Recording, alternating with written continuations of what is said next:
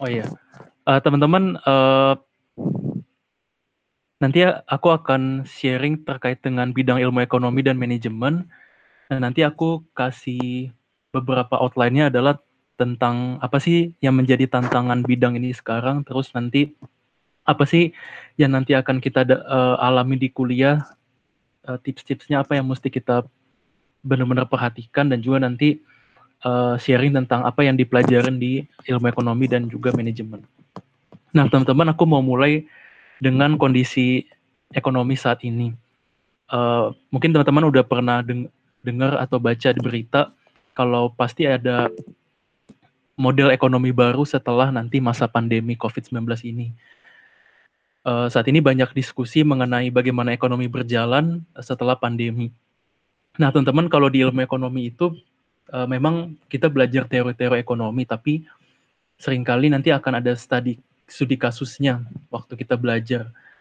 Nah, kalau sebelum-sebelumnya mungkin banyak studi kasus tentang kejadian kayak krisis ekonomi, kejadian kayak uh, depresi Amerika zaman dulu.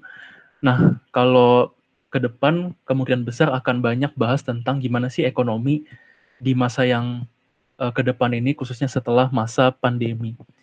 Nah, kalau mungkin teman-teman nanti bisa baca-baca berita lagi, uh, banyak uh, beberapa pandangan para ahli, tapi beberapa kata kuncinya adalah uh, kita butuh ekonomi yang lebih uh, sustainable, sustainable atau uh, tentang keberlanjutan.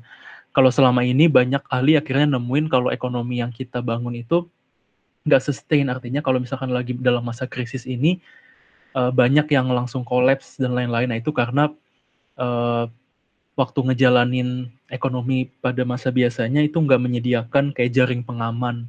Jaring pengaman tuh maksudnya intinya adalah uh, pemerintah atau perusahaan tuh punya saving yang cukup kalau misalkan terjadi krisis atau terjadi um, masalah kayak seperti ini.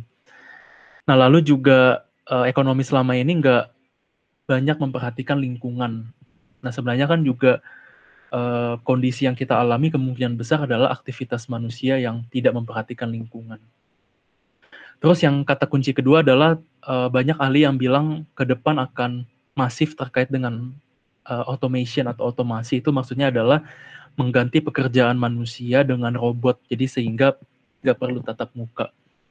Nah teman-teman ini sebenarnya masih banyak perdebatan kalau kita juga perhatikan di Alkitab juga mungkin kita perlu lihat pandangan Alkitab kayak gimana, tapi eh, isu-isu uh, ini yang berkembang di dunia saat ini. Lalu satu lagi adalah localization, di mana perusahaan yang beroperasi di negara lain akan dipindahkan ke dalam negeri. Jadi uh, biasanya kan perusahaan, misalkan perusahaan Eropa gitu beroperasi di Cina banyak.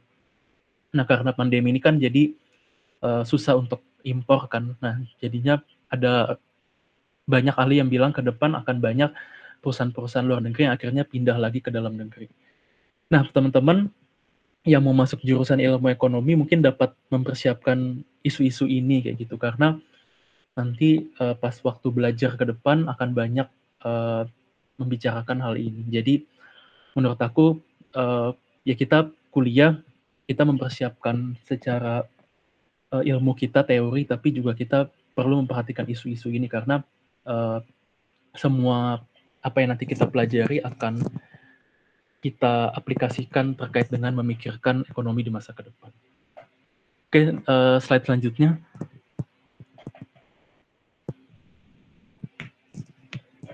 Nah ini teman-teman yang buat masuk manajemen, uh, sebenarnya aku bukan uh, jurusan manajemen, terus nanti ada Nail juga yang sharing bukan uh, manajemen, tapi aku sempat nanya-nanya ke alumni yang manajemen, intinya sih memang manajemen itu sangat luas dan fleksibel kayak gitu ya. Jadi banyak isu yang sebenarnya uh, masuk dalam ilmu ini khususnya terkait dengan uh, kepemimpinan, mengelola usaha dan dan lain-lain. Tapi kalau dari uh, teman aku bilang, dibilang banyak uh, observasi para ahli manajemen uh, dan kepemimpinan bilang kalau dunia profesional memerlukan lebih banyak servant leaders atau pemimpin yang melayani. Orang-orang yang mementingkan pertumbuhan sekitarnya terlebih dahulu daripada sekedar profit. Nah, bahkan model kepemimpinan dalam bekerja seperti ini dibutuhkan di masa pandemi. Kalau teman-teman nanti bisa search uh, servant leaders gitu ya di Google, nanti banyak berita tentang pentingnya servant leaders di dalam masa pandemi COVID. Nah, teman-teman ini ada satu buku judulnya Jadilah Pemimpin Demi Kristus. Mungkin teman-teman pernah lihat atau bahkan pernah baca. Kalau belum baca, buat teman-teman manajemen atau teman-teman yang lain bisa baca. Uh, bagus banget bukunya. Nah, ini penulisnya adalah Sen Senjaya. Sebenarnya dia bukan pendeta atau bukan uh, apa namanya hamba Tuhan penuh waktu, tapi dia adalah dosen, dia ahli manajemen di Australia, uh, dan dia penelitiannya adalah tentang servant leaders ini. Nah, jadi teman-teman yang ilmu manajemen mungkin bisa belajar tentang hal ini ya, karena ini sangat uh, Alkitab based banget, dan tapi di dunia itu sangat dibutuhkan saat ini. Jadi kalau mulai bisa pelajarin is pelajaran konsep ini, terus bisa juga baca buku ini dan menurut aku ini sangat bagus gitu karena ya tadi kalau teman-teman nanti juga coba Google banyak penelitian atau banyak diskusi tentang servant leaders ini. Oke, slide selanjutnya.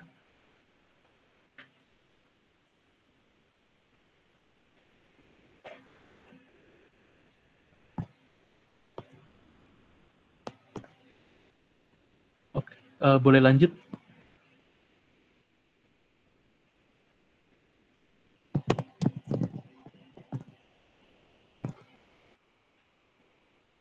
Oke, okay, uh, eh, teman-teman, ini mungkin aku beberapa kasih dalam kuliah tuh apa sih yang mesti kita lakukan gitu. Pasti kita akan nanti belajar gitu ya, seperti biasa kita belajar dari buku, jurnal, teori dan dan sebagainya. Tapi aku mungkin kasih uh, beberapa hal yang coba mungkin teman-teman bisa terapkan nantinya. Nah, teman-teman jangan lupa terus kalau kita harus melandaskan diri dengan firman Tuhan. Seringlah bertanya bagaimana Alkitab memandang isu ini. Kayak tadi aku sempat bilang di awal, banyak isu-isu ekonomi ke depannya yang akan dibahas. Nah, uh, seperti misalkan kayak tadi otomasi, kita mungkin juga bisa lihat dari Alkitab apa sih uh, yang Tuhan bicarakan khususnya dengan kita kan diciptakan segambar dan serupa dengan Allah yaitu Allah itu bekerja. Maka kita bekerja. Nah kalau semua pekerjaan manusia diganti robot apakah itu sesuai Alkitab misalkan kayak gitu dan dan mungkin juga isu-isu lainnya. Nah terus kuliah itu bukan sekedar untuk mendapatkan teori namun sebenarnya kita diajak untuk belajar secara kreatif untuk memecahkan masalah nah jadi teman-teman di kuliah jangan hanya dalam arti belajar uh, cuman dengerin dosen terus belajar dari buku dan lain-lain tapi aktiflah kita bertanya, berdiskusi dan bahkan menulis. Dan kalau bisa berusaha untuk dapat mempublikasikan karya kita bisa dalam tulisan, bisa dalam hal-hal lain yang itu bisa berdampak buat uh, berdampak terkait dengan ilmu yang kita pelajari. Dan juga uh, di kuliah kita uh, belajar untuk kemampuan lainnya termasuk uh, kalau di manajemen sama ilmu ekonomi kalau menurut aku setelah aku lihat dalam pekerjaan tuh skill-skill yang paling dibutuhkan adalah statistik, presentasi dan bahasa Inggris karena di pekerjaan ilmu ekonomi atau manajemen itu sangat terkait hal ini. Biasanya kan pekerjaannya terkait dengan analis atau terkait dengan konsultan. Nah, itu sangat butuh dengan statistik, presentasi dan juga nanti uh, bahasa Inggris. Nah, selanjutnya mungkin teman-teman banyak uh, nanya tentang apa sih pilihan pekerjaan di ilmu ekonomi sama manajemen. Kalau di ilmu ekonomi nanti slide-nya sambil diganti ya. Ilmu ekonomi itu ada beberapa pilihan. Misalkan di kampus kita bisa jadi dosen dan peneliti. Terus uh, di pemerintahan kita bisa jadi PNS atau ASN di berbagai kementerian atau pemerintahan daerah dengan fungsi sebagai perencana, perencana, peneliti, analis dan juga kita bisa jadi pegawai OJK dan Bank Indonesia. Nah, lalu di uh, ilmu ekonomi juga bisa di swasta. Itu kita biasanya jadi analis atau peneliti pasar, bisa di bank atau lembaga keuangan lainnya. Lalu kita bisa kerja juga di lembaga riset nasional atau internasional. Kalau teman-teman pernah dengar CSIS, Indef, Semeru, nah biasanya kan mereka suka ditanya-tanya sama wartawan kan. Nah biasanya uh, yang kerja di sana itu jurusan ilmu ekonomi. Terus uh, lembaga internasional kayak World Bank, uh, lembaga di bawah UN atau mungkin uh, lembaga-lembaga internasional lainnya alumni ilmu ekonomi banyak ke sana. Nah, kalau teman-teman tahu kayak Sri Mulyani, terus Bambang Brojonegoro atau beberapa menteri lainnya itu juga alumni ilmu ekonomi.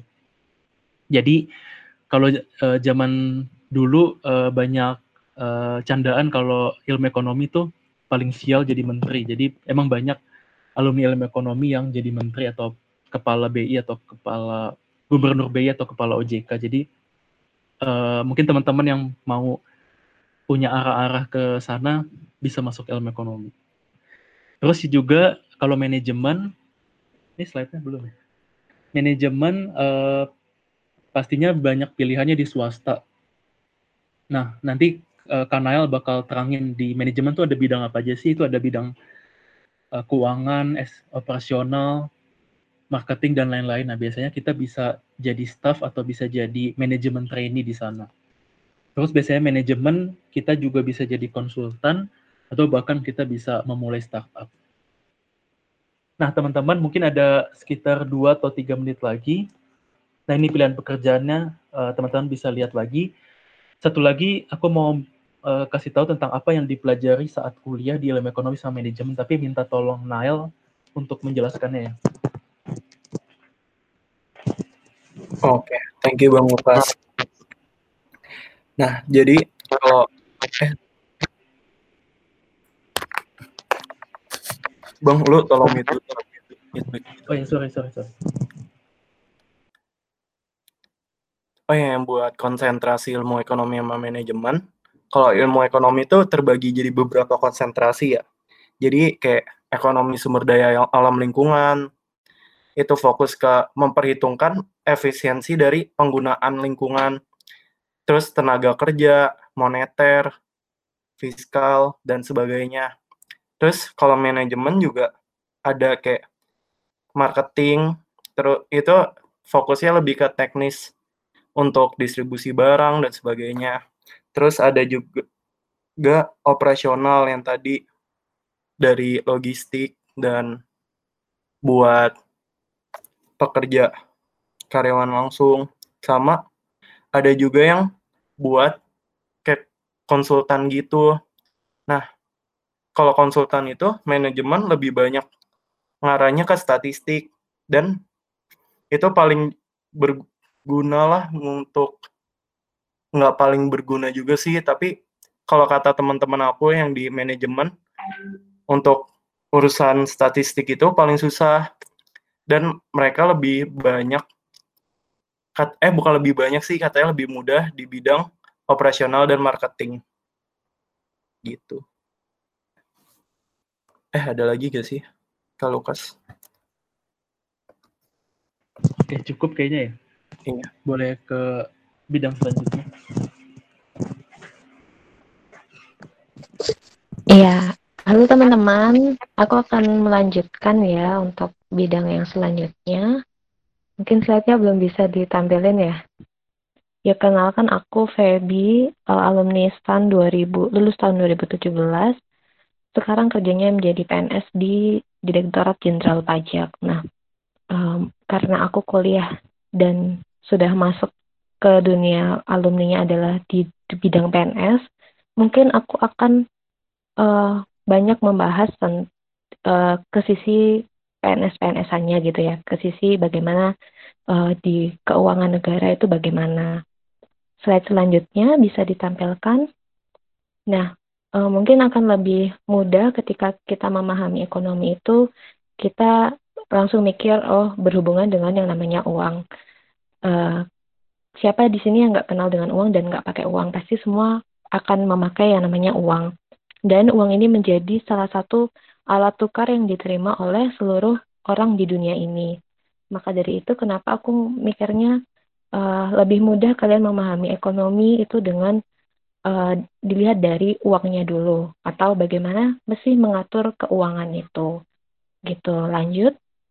Nah, aku akan membagi menjadi empat kelompok yang akan memudahkan kita untuk uh, lebih uh, paham ya secara spesifik gitu oh ini tuh masuk jurusan ini bisa ilmu ini ilmu ini itu yang pertama semoga kelihatan ya slide-nya yang pertama kalau berhubungan dengan keuangan itu kita perlu merencanakan. Nah, ini kita pasti butuh merencanakan uh, tujuan kita ke mana, strategi-strategi kita, apa yang harus kita lakukan, dan kita perlu menyusun perencanaan dengan baik. Nah, perencanaan dalam keuangan ini meliputi pengeluaran pendapatan, kemudian strategi-strategi yang tepat. Nah, di sini kita memerlukan ilmu ekonomi, manajemen. Sebenarnya ilmu ekonomi itu uh, luas ya dan bisa dipakai dalam semua semua nomor dan pasti akan dipakai. Tapi untuk perencanaan pasti membutuhkan orang-orang yang mengerti ekonomi secara mikro, makro, punya uh, skill manajemen yang baik juga. Kemudian yang kedua, mencari. Kita setelah kita merencanakan bagaimana keuangan kita, kita mulai nih mencari kebutuhan uang kita itu dari mana. Nah, kalau di dalam uh, kenegaraan di sisi negara kita untuk membiayai pembangunan, pendidikan, maka butuh cari uang untuk membiayai itu.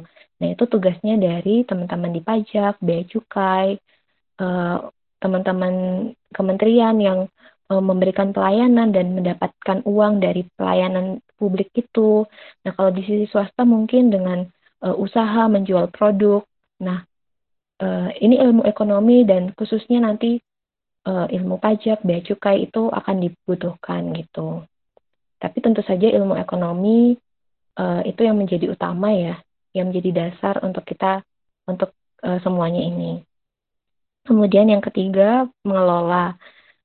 Nah, ketika kita sudah dapat uang yang kita butuhkan, kita pasti akan mengelola uang itu dengan sebaik-baiknya, secara optimal untuk mencapai semua tujuan kita. Nah, kita mungkin kenal yang namanya bendahara, biasanya yang ngatur-ngatur uang tuh, ini buat apa, ini buat apa, terus mengalokasikan, ini uh, seberapa berapa persen ini untuk uh, pendidikan, berapa persen ini untuk uh, pembangunan, kalau di sektor swasta mungkin berapa persen untuk produksi, berapa persen untuk uh, publikasi, humas, dan sebagainya. Nah, ini perlu uh, ilmu kebendaharaan. Yang keempat, nanti uh, yang terakhir adalah mengevaluasi dan melaporkan. Pasti kita membutuhkan yang namanya evaluasi uh, apakah pengaturan pengelolaan uang itu kita itu sudah benar, sudah baik dan sudah tepat gitu. Nah, cara pengevaluasiannya adalah dengan uh, membuat laporan keuangan. Nah, ini adalah tugasnya seorang akuntan. Ketika kita belajar akuntansi, nanti kita akan uh, belajar gimana mengecek gitu pengelolaan kita itu sudah baik atau enggak. Nah, dari laporan keuangan itu kita bisa menentukan kebijakan-kebijakan perbaikan untuk uh, memperbaiki strategi-strategi yang kurang tepat. Nah, semoga ini membantu ya mengingat kita mengingat gitu kalau ternyata ekonomi itu luas banget, kita bisa pakai ekonomi itu di mana saja, bahkan ketika nanti kalian masuk ke dunia kerja, ekonomi itu pasti dipakai di mana-mana gitu, pasti akan dibutuhkan. Jadi jangan khawatir uh, nanti setelah kuliah akan kerja di mana, karena kalau sudah belajar ekonomi itu pasti bisa masuk ke mana ke mana-mana. Cuman lebih spesifiknya bisa ke pajak, akuntansi, uh, yang lain-lain gitu. Itu ilmu yang lebih spesifik lah. Selanjutnya, aku mendapat uh, bagian untuk menjelaskan akuntansi, perpajakan, dan administrasi negara. Nah, kalau akuntansi sendiri adalah cara belajar cara memelihara keuangan tentang prinsip-prinsip uh, akuntansi, audit, laporan, anggaran, dan lain-lain. Kemudian kalau perpajakan itu kita belajar untuk ya tentang hak dan kewajiban dari wajib pajak gitu, sisi perpajakan. Karena pajak ini kan yang menopang negara ini ya, karena kita negara ini bisa berlangsung dari pajak. Nah, butuh orang-orang yang ngerti pajak supaya uh, ya negara ini tetap bisa berlangsung gitu. Dan yang ketiga, administrasi negara. Administrasi negara ini uh, kalau artinya itu prodi ini mempelajari tentang seluk-beluk pemerintahan, masyarakat dan kebijakan publik. Nah, untuk administrasi negara sendiri itu sangat luas ya. Uh, belajarnya, tapi terutamanya mereka belajar tentang kebijakan-kebijakan pelayanan publik atau pelayanan masyarakat. Nah, eh, ini juga bisa masuk ke sektor pekerjaan mana pun, mau di jadi PNS atau nanti mau ke non PNS, mungkin ke sektor swasta. Nah, nanti apabila teman-teman terjun ke dunia ekonomi, mau nggak mau akan belajar semua materi ekonomi sebagai dasarnya. Kemudian nanti akan uh, fokus, bisa fokus nih, oh aku mau ke akuntansi, maka nanti aku akan belajar banyak akuntansi dari dasar menengah sampai lanjutan. Kalau mau belajar pajak, pasti akan belajar secara tuntas tuh pajak seperti apa. Cuman di awal semester nanti pasti akan belajar semuanya, kulit-kulitnya aja. Kemudian slide selanjutnya tetap nggak bisa ya. Uh, mungkin nanti akan dibagikan. Selanjutnya lagi, ini tentang skill skill-skill yang akan didapat ketika belajar akuntansi, perpajakan, dan administrasi. Aku nggak pernah belajar administrasi negara ya, mungkin karena aku, tapi karena aku sebagai PNS, aku bisa membagikan ini eh, pengetahuan-pengetahuan dan keahlian yang akan kalian dapat dan dibutuhkan juga ketika kalian belajar akuntansi, perpajakan, dan administrasi negara. Nah, tapi uh, tantangan dari dunia ini adalah dunia ekonomi ini, terutama akuntansi perpajakan ini, adalah butuh ketelitian, kecermatan, dan kesabaran. Jadi pastikan ketika kalian nanti masuk di dunia ekonomi, dan khususnya akuntansi dan perpajakan, kalian uh, benar-benar belajar untuk teliti, cermat, uh, juga sabar yang ngitung-ngitung gitu. Butuh skill menghitung memang. Nah, eh, jurusan-jurusan ini nantinya juga butuh yang namanya skill berelasi dengan orang lain ketika kalian masuk ke dunia kerja nanti gak cuman uh, hard skillnya ya ilmunya tapi juga soft skillnya yaitu cara berrelasi, berkomunikasi, berorganisasi. Nah, uh, makanya kita bisa mendapatkan skill-skill itu ketika kuliah itu selain dari kita belajar di kelas, tapi juga belajar dengan berorganisasi, pelayanan, dan mengikuti UKM-UKM yang tersedia di universitas kalian. Kemudian slide selanjutnya, Kak. Nah, pekerjaan nantinya, eh, seperti yang sudah disampaikan Kak Lukas, banyak eh, prospek pekerjaan. Kalian mau mau jadi PNS, bisa silakan mendaftar di eh, rekrutmen CPNS, kemudian jadi pegawai swasta juga pasti dibutuhkan karena uh, butuh orang-orang yang benar-benar ngerti ekonomi, butuh benar-benar orang yang ngerti akuntansi supaya bisa bikin laporan keuangannya itu baik, gak banyak korupsi dan sebagainya gitu. Kemudian bisa mendirikan lembaga independen seperti kantor akuntan atau konsultan pajak. Itu bisa ya teman-teman. Slide selanjutnya. Nah, aku ingin um, membagikan sebelum teman-teman masuk ke dunia perkuliahan, aku merindukan teman-teman benar-benar memahami dan ingat kalau kita sedang berada dalam cerita besar Allah. Uh, kalau isu-isu tadi yang sudah diceritakan Kak Lukas itu benar ya kita perlu terus um, memikirkan dan belajar tentang isu-isu tersebut dan selanjutnya kita juga perlu ingat kalau kita sedang berada dalam rencana besar, besar Allah di mana seluruh kehidupan kita sudah direncanakan dan diatur. Jadi mau kalian eh, kuliah jurusan apa, mau nanti kerja jadi apa pun, itu semua sudah eh, di dalam rencana besar, besar Allah dan kalian pasti bisa berdampak di jurusan kalian atau di pekerjaan kalian nanti. Tapi apabila teman-teman nggak mengalami hal teman-teman mengalami hal-hal yang tidak sesuai dengan harapan teman-teman, jangan putus asa. Karena Tuhan Yesus tetap bersama-sama dengan kalian. Misalnya, kalian pengen jurusan uh, akuntansi, tapi ternyata uh, dapet nih masuknya ke jurusan yang lain. Tetap jangan berputus asa. Kalian masih punya pilihan untuk uh, mengambil lagi tahun depan atau kalian tetap stay di jurusan yang yang kalian dapat sekarang dan percaya kalau itu memang uh, ada di dalam pimpinan Allah seperti itu. Yang kedua, percaya percayalah bahwa hidup ini adalah proses mau kita belajar, kuliah, ataupun sudah bekerja sebagai alumni, kita akan terus belajar, belajar, dan belajar. Kita akan menemukan hal-hal yang baru.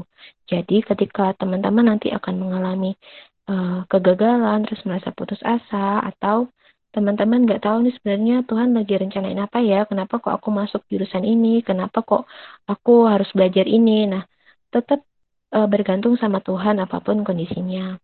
Karena kita perlu untuk hidup dekat, bergumul dengan Tuhan lewat firman, lewat doa untuk kita peka gitu, Tuhan maunya apa.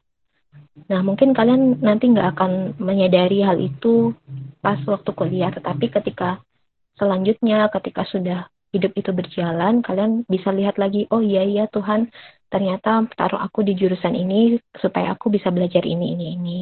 Seperti itu. Dan yang terakhir adalah uh, jadikan Tuhan sebagai pusat kehidupan kita.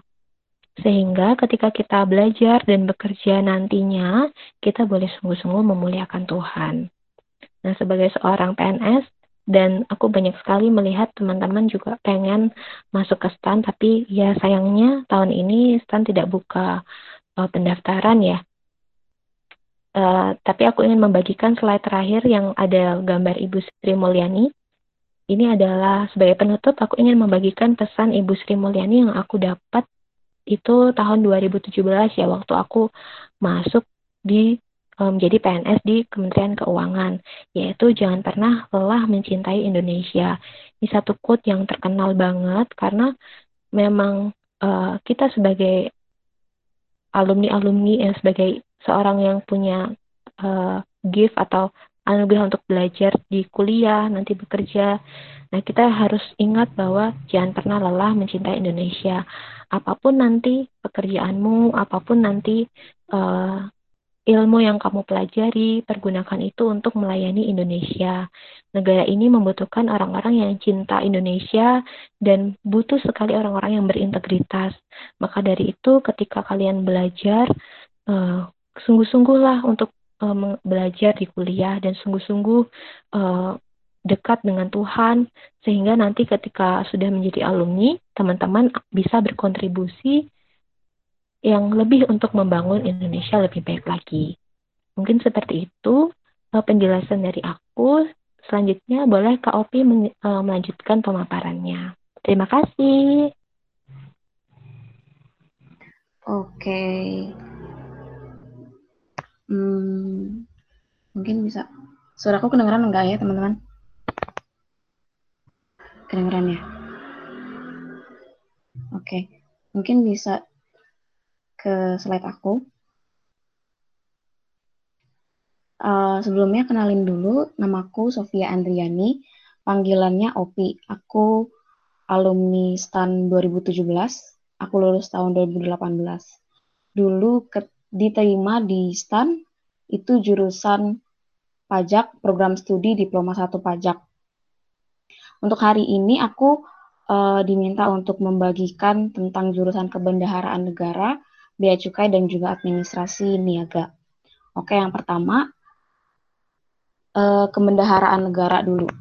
Kebendaharaan negara ini uh, setelah aku research gitu ya, ternyata ini adalah satu-satunya jurusan yang cuma ada di STAN uh, sejauh ini cuma ada di STAN. Nah, kebendaharaan negara itu apa?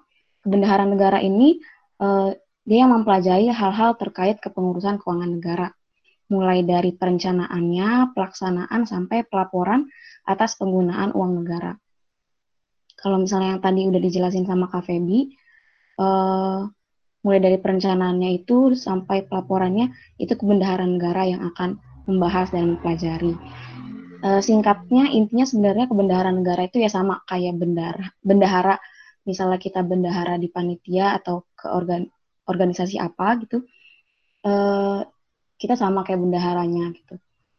Tapi bedanya ini adalah dalam konteks negara gitu. Negara pasti kan punya tujuan e, tujuannya sendiri, tujuan mendirikan negara di, maka dibentuklah uh, berbagai macam instansi, kementerian-kementerian. Nah, dari kementerian-kementerian ini nanti akan mengajukan rencana kerja juga, rencana kerja dan juga mengajukan anggaran-anggaran yang dibutuhkan. Nanti akan masuk uh, keperencanaan uh, dan dirapatkan bersama DPR dan seterusnya akan jadi APBN, rumusan APBN dan akan dilaksanakan sampai kepada pelaporan atas penggunaan uang negara. Kalau dari kebendaharaan negara sendiri, mata kuliah yang dipelajari itu uh, utamanya adalah tentang anggaran dan perbendaharaan. Itu ada mencakup tentang sistem penganggaran, perencanaan kinerja anggaran, perencanaan anggaran, uh, pelaksanaan belanja negara dan perbendaharaan. Kalau misalnya yang tadi juga ada Kak jelasin, sebenarnya kita di jurusan ekonomi ini pasti mempelajari tentang ilmu ekonomi juga, ekonomi makro, mikro, uh, akuntansi, perpajakan juga belajar dan belajar tentang komputer juga karena itu penting juga untuk di jurusan ekonomi. Terus next, uh, kebendaharaan negara sendiri itu prospek kerjanya. Di sini aku tulisinnya karena selama ini aku research itu kebendaharaan negara cuma ada di STAN ya teman-teman. Nah STAN itu uh, lulusannya pasti akan jadi PNS atau jadi ASN dan prospek kerja untuk kebendaharaan negara sendiri itu jadi PNS di Kementerian Keuangan khususnya Direktorat Jenderal Perbendaharaan, Direktorat Jenderal Anggaran, Direktorat Jenderal Pengembangan Keuangan, Direktorat Jenderal Pengelolaan Utang atau di PNS non Kementerian Keuangan. Bisa di Pemda, kalau temanku ada yang di Kemendikbud juga ada, di BNP BNPT juga ada. Selain itu juga bisa jadi akuntan ataupun jadi bendahara. Oke, okay, next. Selanjutnya itu jurusan bea cukai. Bea cukai ini sebenarnya ada dua kata, bea dan cukai. Kalau bea sendiri itu adalah pungutan negara yang dikenakan terhadap barang impor dan ekspor. Boleh di next slide. Jadi barang-barang yang masuk ke daerah pabean itu akan dikenakan bea masuk, sedangkan yang keluar itu akan dikenakan bea ekspor dan juga uh, kalau cukai, cukai ini pungutan negara terhadap barang yang punya karakteristik tertentu. Misalnya karakteristiknya itu uh, yang konsumsinya perlu dikendalikan, yang peredarannya diawasi, dan juga pengenaannya itu dapat menimbulkan dampak negatif bagi masyarakat. Misalnya kayak tembakau atau rokok itu dan lain-lainnya. Oke, okay, next. Mata kuliah yang dipelajari itu seperti ini teman-teman ada tentang perdagangan internasional, eh, barang, teknis cukai, kepabeanan, kepabeanan, pengantar ilmu hukum, hukum keuangan negara dan seterusnya. Next, untuk prospek kerjanya sendiri di bea cukai khususnya eh, di kampus TAN ya teman-teman. Ini nantinya akan menjadi PNS juga di Kementerian Keuangan di Direktorat Jenderal Bea dan Cukai dan di Sekretariat Jenderal Kementerian Keuangan. Oke, kalau itu dari dua jurusan yang uh, menurutku memang cuma dua jurusan ini yang ada di STAN kayak bendahara negara sama bea cukai itu cuma ada di STAN. Nah, di situ aku akan menjelaskan tantangan dalam profesi. Untuk dalam profesi ini yang aku alamin uh, sebagai PNS ya. Lulusan dari jurusan KBN dan BC ini harus bersedia ditempatkan di daerah mana saja. Karena memang kita akan diangkat jadi PNS dan akan mengabdi kepada negara. Mengabdi kepada negara ya harus siap gitu ditempatkan di seluruh daerah Indonesia. Nanti sih pas lulusnya akan ada pilihan sih 3 sampai 5. Kita akan disuruh memilih 3 sampai 5 pilihan kota, cuma nantinya akan ditempatkan uh, sesuai dengan keputusan dari pusat. Di next slide boleh? Oke. Okay. Lalu integritas. Integritas ini juga penting, sebenarnya bukan dalam um, profesi doang, tapi di perkuliahan juga kita dibutuhkan pribadi-pribadi yang berintegritas, dalam mengelola keuangan negara. Terus kemauan untuk terus belajar dan beradaptasi. Kalau nanti dalam uh, profesi sebenarnya yang aku rasain itu 40 50% adalah materi yang dipelajari di kuliah. 50% lagi itu kita belajar sendiri. Maksudnya pasti di tempat kerja uh, banyak peraturan-peraturan baru di, yang di bawahnya yang harus kita pelajari dan ini kan kita juga mengelola keuangan negara ya. Maksudnya keuangan negara keuangan negara itu dinamis gitu loh. Banyak yang uh, berubah-ubah. Jadi kita juga harus uh, bisa belajar dan beradaptasi terhadap peraturan-peraturan baru. Itu yang aku alamin kalau misalnya di dunia profesi. Terus next slide-nya itu administrasi niaga. Kalau administrasi administrasi niaga ini, next slide, itu ilmu yang mempelajari segala sesuatu berkaitan dengan kegiatan operasional bisnis dan perusahaan. Um, sebenarnya hampir sama kayak manajemen kalau misalnya administrasi niaga ini. Cuma kalau misalnya manajemen itu lebih ke konsep pengaturannya secara keseluruhan selalu luas luas banget. Tapi kalau administrasi negara ini lebih ke konsep mengatur sumber daya. Tata kelola mengatur sumber daya yang dimiliki demi jalannya sebuah organisasi. Untuk teman-teman yang mungkin tertarik uh, untuk berbisnis, bisa ngambil jurusan ini nantinya. Next slide, Kak. Untuk mata kuliah yang dipelajari, itu ada keuangan bisnis, sumber daya manusia, teori dan perilaku organisasi, manajemen kepemimpinan, kewirausahaan, dan lain-lainnya. Kalau misalnya nanti di administrasi niaga ini, um, akan ada konsentrasi lanjutannya, itu ada operasi, logistik, kewirausahaan, dan uh, lain-lainnya. Nanti teman-teman pilih uh, yang sesuai dengan passionnya teman-teman aja. Oke, okay, next slide.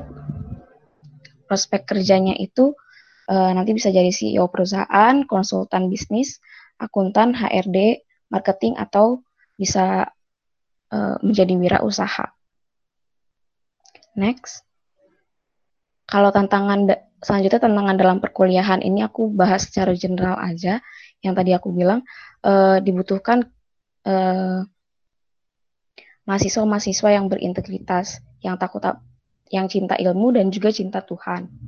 Terus kemampuan untuk terus mengupgrade pengetahuan, kayak uh, kita memang yang jurusan ekonomi memang mempelajari secara teorinya di kelas gitu di perkuliahan.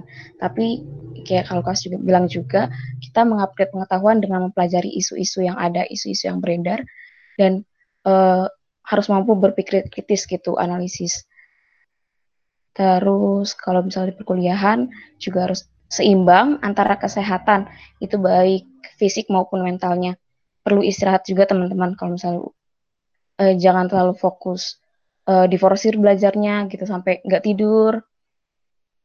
Eh, terus dalam pergaulan juga harus seimbang dan juga pengembangan dirinya. Terus next slide. Jadi apa yang harus dilakukan? teman teman-teman sebelum masuk ke dunia perkuliahan, aku uh, saranin kita sama-sama menggumuli panggilan kita. Menggumuli panggilan itu berarti kita harus tahu siapa yang panggil. Siapa yang panggil, yaitu Allah sendiri. Setiap kita, setiap masing-masing kita itu uh, Tuhan punya panggilan yang unik. Aku dan Kak Feby, kita punya panggilan yang berbeda karena Tuhan menciptakan kita berbeda gitu uh, kita harus terus menggumuli panggilan kita. Karena ya setiap fase kehidupan kita itu adalah proses. Sama kayak Kak Feby bilang walaupun aku sekarang udah bekerja ya aku tetap uh, belajar gitu. Mencari sebenarnya Tuhan maunya seperti apa. Apakah uh, uh, akan tetap menjadi menjadi PNS atau akankah melanjut kuliah lagi atau gimana gitu Terus yang kedua, menjadi berkat di mana pun kita ditempatkan. Mungkin kalau misalnya teman-teman sekarang uh,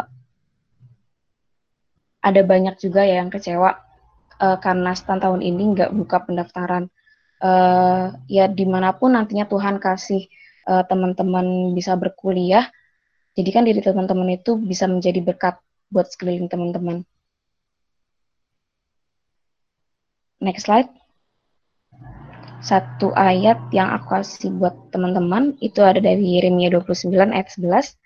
Sebab aku ini mengetahui rancangan-rancangan apa yang ada padaku mengenai kamu.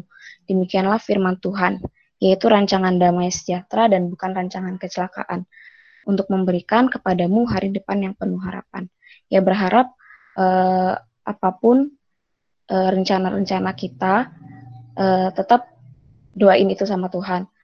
Berserah sama Tuhan, Tuhan nanti yang akan memberikan uh, kepada kita sesuai dengan rencana rencana Tuhan, sesuai dengan panggilan Tuhan dalam kehidupan kita. Semangat teman-teman. Itu aja dari aku. Boleh kece-kece selanjutnya. Oke, terima kasih untuk Kak Lukas, Kak Feby, dan juga Kak Opi boleh menjelaskan secara rinci ya teman-teman. Terima kasih. Dan saat ini uh, kita akan membuka ruang tanya jawab. Teman-teman boleh kalau sudah kepikiran pertanyaannya boleh ditanya di kolom di kolom chat. Ada dua, langsung sama tertulis. Kalau langsung berarti tanya kak uh, mau nanya langsung gitu. Nanti aku persilahkan. Terus nanti oh, untuk Elsa sambil nyiapin ini ya PPT ku. Karena aku mau nampilin pertanyaan dari Google Meet gitu. Ini nanti ada dua pertanyaan di dari eh pertanyaan dari Google Form maksudnya pertanyaan dari Google Form sama pertanyaan langsung gitu. Jadi boleh kalau teman-teman nanya nanti aku akan baca tapi setelah pertanyaan dari uh, Google Form ini ya teman-teman. Pertanyaan yang pertama boleh di next slide. Nah, ini nanya nih, pergaulan di perkuliahan khususnya di UI sama STAN kira-kira gimana ya Kak? Seindividualis itu ya Terus apa bisa kenal dengan banyak teman dari jurusan atau fakultas lain? Nah, aku be, aku meminta untuk uh, Kak Feby mungkin ya boleh menjawab gimana pergaulan di STAN sama yang lain-lainnya nih. Ada pertanyaan yang lain. Uh, teman-teman boleh dipin Kak Feby dan Kak Feby boleh nyalain mic sama videonya ya. Biar kelihatan muka Kak Feby yang mana.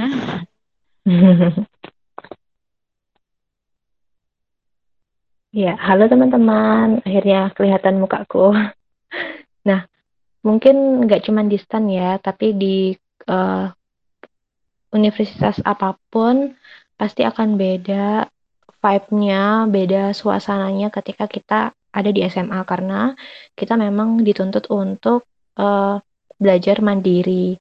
Uh, nanti akan nemu tuh yang namanya ngejar-ngejar ngejar-ngejar dosen atau ternyata dosen PHP atau uh, banyaklah hal-hal yang dinamis di dalam perkuliahan.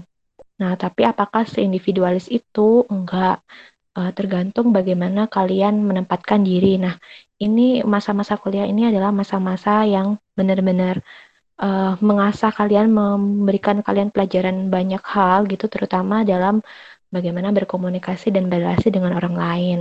Nah, kalau di sendiri itu Mungkin nanti teman-teman uh, Javier dan Chen bisa menambahkan ya, kalau kita itu uh, terdiri dari banyak suku, banyak kita dipanggil dari banyak uh, daerah di Indonesia untuk belajar, pasti akan ada uh, adaptasi tuh di situ, nggak cuman kita biasanya di SMA ketemu sama orang-orang yang itu-itu aja, sesama suku atau gaya bahasa, gaya hmm, budayanya sama, tapi kalau di STAN itu pasti akan ketemu dengan berbagai macam budaya. Nah, pasti akan bisa kenal banyak teman, tapi tergantung kalian juga mau memilih menjadi orang yang individual, yang kuliah pulang kuliah pulang, atau mau seimbang gitu seperti kata Opi. Uh, baik sih untuk belajar uh, dengan baik gitu ya, maksudnya belajar dengan sungguh-sungguh, tapi pikirkan juga uh, harus seimbang dengan kegiatan organisasi kalian, pelayanan kalian, uh, hobi kalian. Nah, itu sebenarnya tergantung dari kalian sendiri. Kalian mau menjadi seperti apa. Tapi kalau apakah seindividualis itu enggak ya, karena kalian pasti akan nemu orang-orang yang gak individualis. Kalian bisa kenal banyak teman-teman dari jurusan dan fakultas lain itu pasti bisa kalau kalian tergabung dalam organisasi. Begitu Kak. CGC. Mungkin teman-teman yang lain bisa menambahkan. Oke, makasih Kak Feby. Buat yang UI mungkin un Kanael bisa jawab, bantu jawab. Kanael boleh di open mic sama video, teman-teman boleh di pin ya. atas nama Nathanael ya. Permisi. Akan Mungkin kalau di UI ya, sebenarnya seindividualis itu gimana ya? Kalau di fakultas aku sih aku ngerasanya bukan individualis banget, tapi emang karena waktunya habis untuk belajar sendiri. Jadi kayak mau ngajarin orang lain atau mau hmm, bergaul, apalagi waktu-waktu ujian ya, itu sangat sulit karena emang anak-anaknya lebih gimana ya, lebih belajar sendiri lah. Atau dibilangnya waktunya habis buat belajar sendiri sih kalau aku lihat teman-temanku. Terus juga waktunya dihabisin buat ikut lomba-lomba yang mereka emang punya grupnya sendiri di luar sana gitu loh. Jadi bukan individualis sih, emang mereka yang masuk di fakultasku udah emang punya ambisinya masing-masing. Terus bisa kenal banyak dengan teman dari jurusan atau fakultas lain, bisa kok. Paling gampang sih lewat persekutuan sih, persekutuan di kampus. Terus juga mungkin kalau kalian ikut organisasi juga mempermudah gitu sih.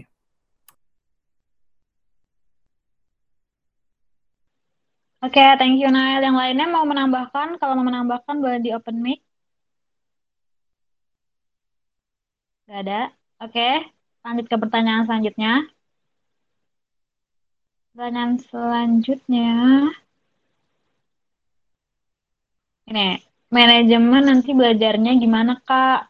Terus Kak, pros prospek kerja manajemen sama kemampuan yang harus dikembangin di pekerjaannya itu apa ya? Nah, untuk pertanyaan ini mungkin Kak Lukas bisa bantu jawab. Kak Lukas, boleh di onin mic dan juga video, teman-teman bisa dipin atas nama Lukas Nainggolan. Oke, okay, thank you CGC. Uh, eh, kalau belajarnya gimana, uh, aku nanya ke teman alumni itu juga sih. Pasti banyak banyak belajar teori. Nah, teorinya ini berdasarkan konsentrasi manajemen yang tadi Kanael udah terangin. Jadi ada empat ya uh, konsentrasi manajemen itu ada keuangan, pemasaran, operasional, sama sumber daya manusia.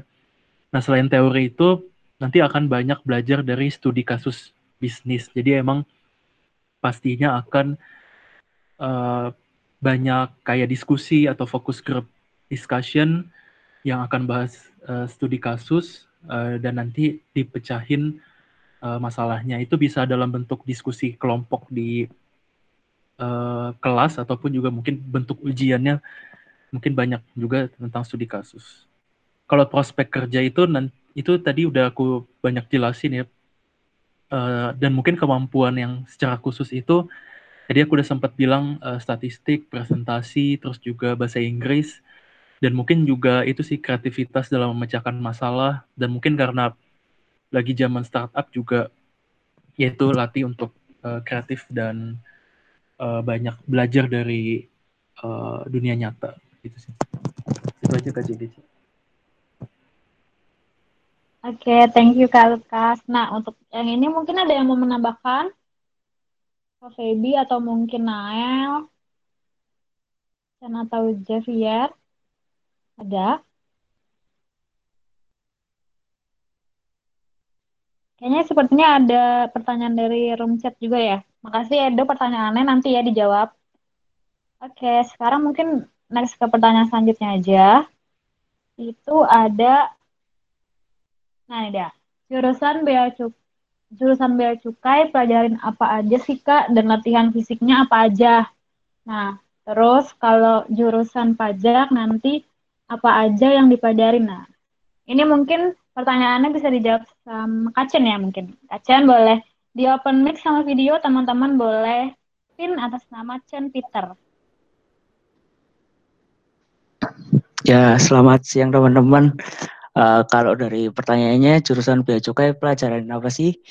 Uh, banyak-banyaknya teman bea cukai itu belajarnya itu dengan urusan cukai sih dan banyak praktek di lapangan sebenarnya. Dan kalau magang pun magangnya di kantor bea cukai. Biasanya mereka berurusan dengan pelabuhan, dan lain-lain sih. Terus latihan fisiknya apa aja? Jadi kalau di bea cukai itu ada yang namanya LT. LT itu tiap angkatan beda-beda. Bisa yang ada tiga bulan, enam bulan itu kayak fisik gitu lah setiap hari. Juga semi militer sebenarnya. Cuma uh, banyak juga kok yang kayak apa ya istilahnya di tes masuknya pun juga sudah dilatih fisiknya. Jadi teman-teman tenang aja gitu. Kalau jurusan pajak nanti apa aja yang dipelajarin.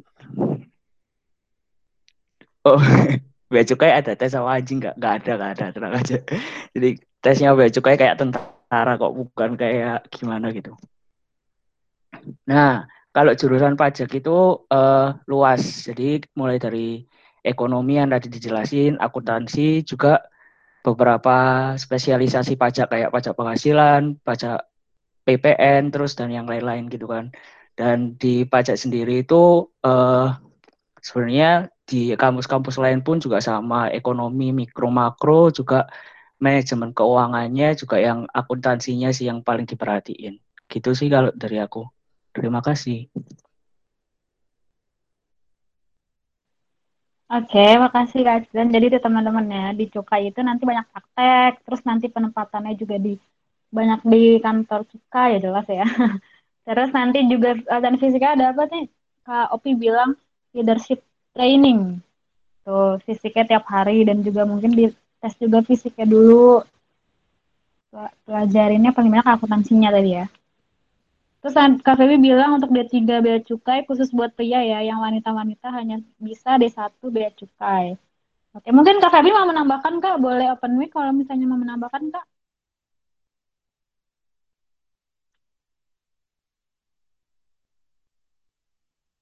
Enggak, oke. Okay.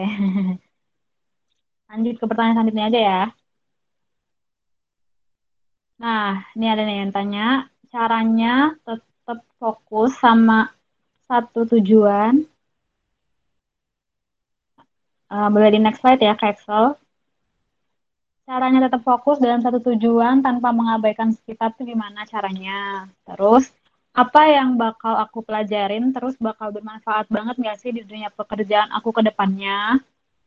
Terus yang ketiga, kegiatan apa yang membuat saya berkembang selama kuliah? Nah, mungkin untuk uh, pertanyaan yang ini kakak-kakak alumni boleh menjawab. Aku minta dari Kak Opi dulu. Yang mana Kak pertanyaannya? Belum muncul ya? Belum muncul ya? Belum muncul Kak. Oh, aku taruh di sini aja.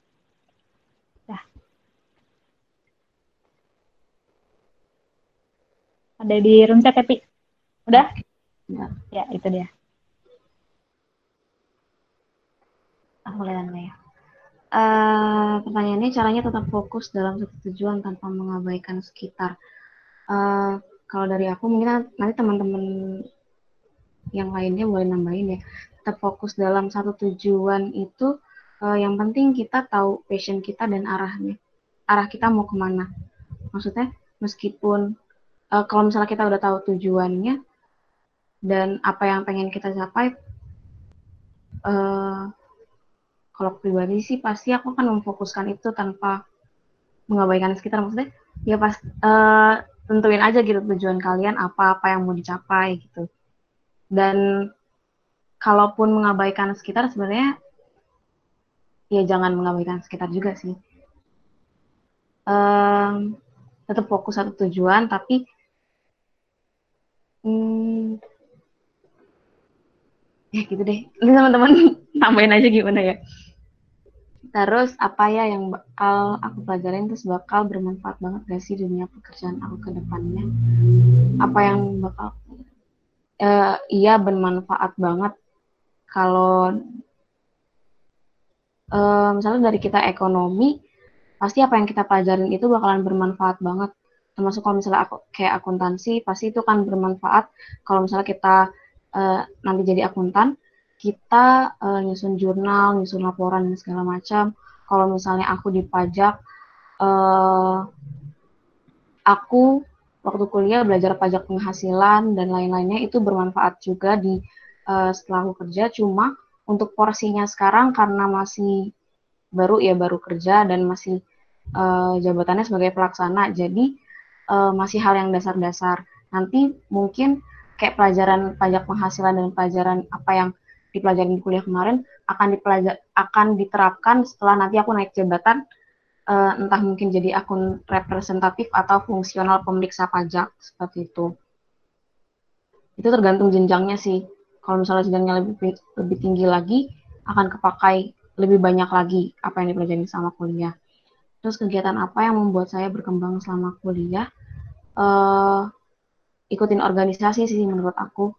Karena dari organisasi kita banyak kenal orang, kenal banyak orang, kita uh, paham bagaimana uh, cara pemikiran orang-orang. Jadi kita membuat kita ter, uh, kepancing juga gitu untuk memikirkan hal-hal yang di luar uh, pemikiran kita sendiri. Jadi kita bisa berkembang uh, lewat organisasi-organisasi itu.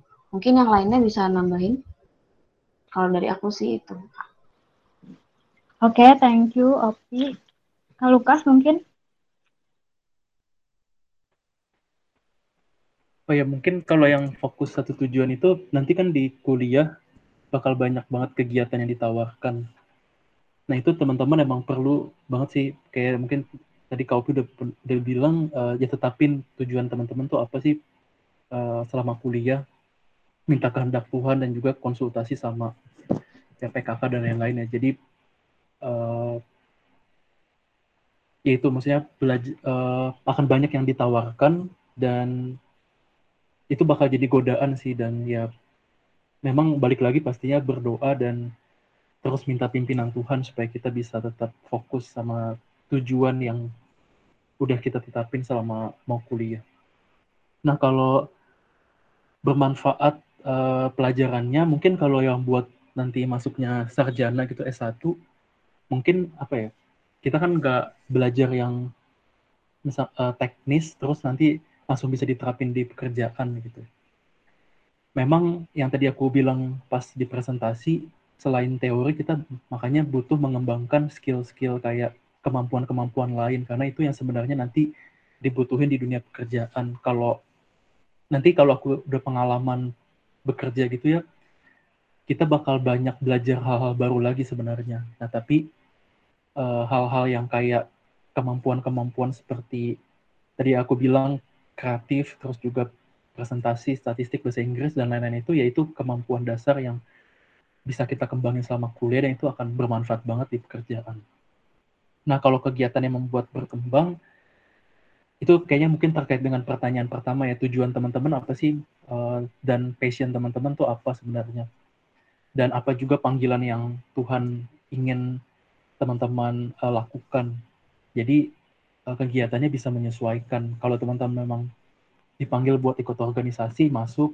Tapi kalau teman-teman mungkin lebih ke misalkan nulis atau menghasilkan karya bisa kayak gitu, atau lomba, atau mungkin teman-teman bisa juga fokus di persekutuan di situ juga sebenarnya teman-teman bisa berkembang. Kalau aku share mungkin secara pribadi kegiatan aku waktu kuliah selain kuliah itu sebenarnya di PSKJ uh, eh, banyak karena aku nggak ikut organisasi di kampus. Tapi bukan berarti aku nggak banyak belajar atau berkembang. Maksudnya di PSKJ juga bisa berkembang. Tapi di luar itu aku juga kayak uh, uh, apa ya? Jadi aku bilang aku sempat ngasilin maksudnya menulis kayak gitu gitu jadi mengembangkan hal-hal lain yang aku nggak terikat uh, di organisasi tertentu, tapi cuma di PSKJ. Itu aja sih. Oke, okay, thank you. Thank you kalau Kak. Kak Febi mungkin ada yang mau ditambah, Kak? Udah cukup, Kak. Mantul. Okay. Baik. Kalau gitu lanjut ke pertanyaan selanjutnya kali ya. Selanjutnya, Apakah sudah kelihatan PPT-nya? Sudah. Nah, nih, ini untuk mahasiswa ya. Kehidupan kuliah tuh gimana? Terus beasiswanya gimana? Susah nggak dapetin beasiswa? Terus apa aja beasiswanya? Terus saya nanya juga nih, simak UI susah nggak sih, Kak? Terus kalau kuliah, kalau di kuliah itu, lo lagi, lo lagi nggak, Kak? Nah, pertanyaan ini mungkin dijawab dulu sama uh, Javier teman-teman boleh dipin user atas nama apa nih 19 Javier. Oke deh, mana Javier? Boleh di open mic, open video juga Javier? Cek, sabar. Oke, baik-baik. Nah, nah kalau ini aku mau jawab yang beasiswa dulu ya, kehidupan beasiswa gimana? Kan aku kuliahnya di STAN. Nah, itu di STAN itu kami emang nggak bayar uang kuliah gitu. Jadi emang full beasiswa. Tapi kalau aku juga pernah sempat kuliah setahun itu beasiswa itu sebenarnya banyak kok dari uh, dari kampusnya ada, dari organisasi lain juga ada, bisa dicari-cari kok. Nah, terus uh, kalau tipsnya mau dapat beasiswa tuh biasa kita sering-sering aja apply katanya. Kalau nggak salah uh, ingat aku ya, dulu uh, temanku ada yang dapat beasiswa itu karena sering apply terus uh, nilainya nggak jeblok kayak gitu. Kalau kehidupan kuliah mungkin agak berbeda sih kalau kita pandangnya dari uh, sisi pas kita jadi siswa ya. Maksudnya pas jadi siswa kan kita pakai seragam terus kuliah eh eh kuliah lagi terus sekolah dari pagi sampai sore gitu. Nah tapi kalau di kuliah itu lebih fleksibel. Jadi waktunya kita nyesuaiin sama waktu mata kuliahnya. Kita juga iya iya. Kalau di stan itu emang pakai seragam. Cuman maksudnya ini kalau kuliah secara umumnya ya Nah, kalau secara umumnya bisa pakai baju bebas, yang penting sopan dan rapi gitu. Nah, kalau simak UI susah nggak sih kak? Waduh, nggak tahu, nggak pernah ikut simak UI. Mungkin coba nanti kakak-kakak yang lain kalau uh, pernah ikut simak UI bisa coba sharing. Terus kalau di kuliah lo lagi lo lagi ya, ini maksudnya temennya ya, temennya eh, itu itu aja gitu. Sebenarnya nggak harus sih. Justru di kuliah aku ketemu banyak orang kok. Maksudnya kenal banyak orang jadi tahu orangnya yang kayak uh, oh iya Kak Feby. Uh. iya tolong jangan distract dulu ya, ya. Jadi kuliah lo lagi lo lagi itu sebenarnya tergantung kitanya juga sih. Kita mau punya uh, circle kita siapa aja gitu. Mau punya temen ini ya udah emang kita berarti emang seringnya ke situ. Tapi kalau dari aku pribadi sih banyak ketemu sama orang-orang baru kok di kuliah. Ada yang orangnya uh, rapi banget ada orang yang nggak pernah rapi banget ada yang selalu tepat waktu, ada yang selalu telat, ada yang nggak pernah ikut-ikutan, tapi ada juga yang selalu hype banget, kayak gitu sih. Mungkin ada dari kakak-kakak lain mau nambahin. Oke, kayaknya kalau Jeffrey jawab banyak banget nih komennya. kalau ini apa? Nail gimana Nail? Boleh bantu jawab Nail? Boleh di open mic video teman-teman boleh pin Nail ya ini sih. Yuk. kalau kehidupan kuliah ya lebih asik sih lebih bebas dibanding SMA terus kalau beasiswa aku kurang tahu karena nggak pernah apply ataupun nyari-nyari juga setengah-setengah tapi mungkin aku lebih tahunya bidik misi sih.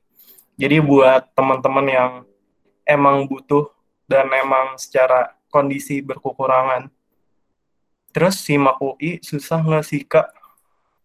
Hmm, jujur susah sih. Simak UI lebih susah dibanding SBM menurut aku. Pada saat aku ya. Oh ya BTW aku tahun 2018 bukan 2017. Terus kalau di kuliah, lo lagi, lo lagi ya kak. Ih, tapi ini lebih baik tahu dibanding punya banyak temen, tapi temennya nggak jelas. Jadi aku sendiri lebih bersyukur kalau punya satu temen yang benar-benar gimana ya ya benar-benar temen lah ngebantu bisa dengerin cerita terus bisa belajar ya benar. Dibanding punya banyak teman tapi kita nggak punya tempat satu tempat yang benar-benar tempat gitu loh yang buat balik.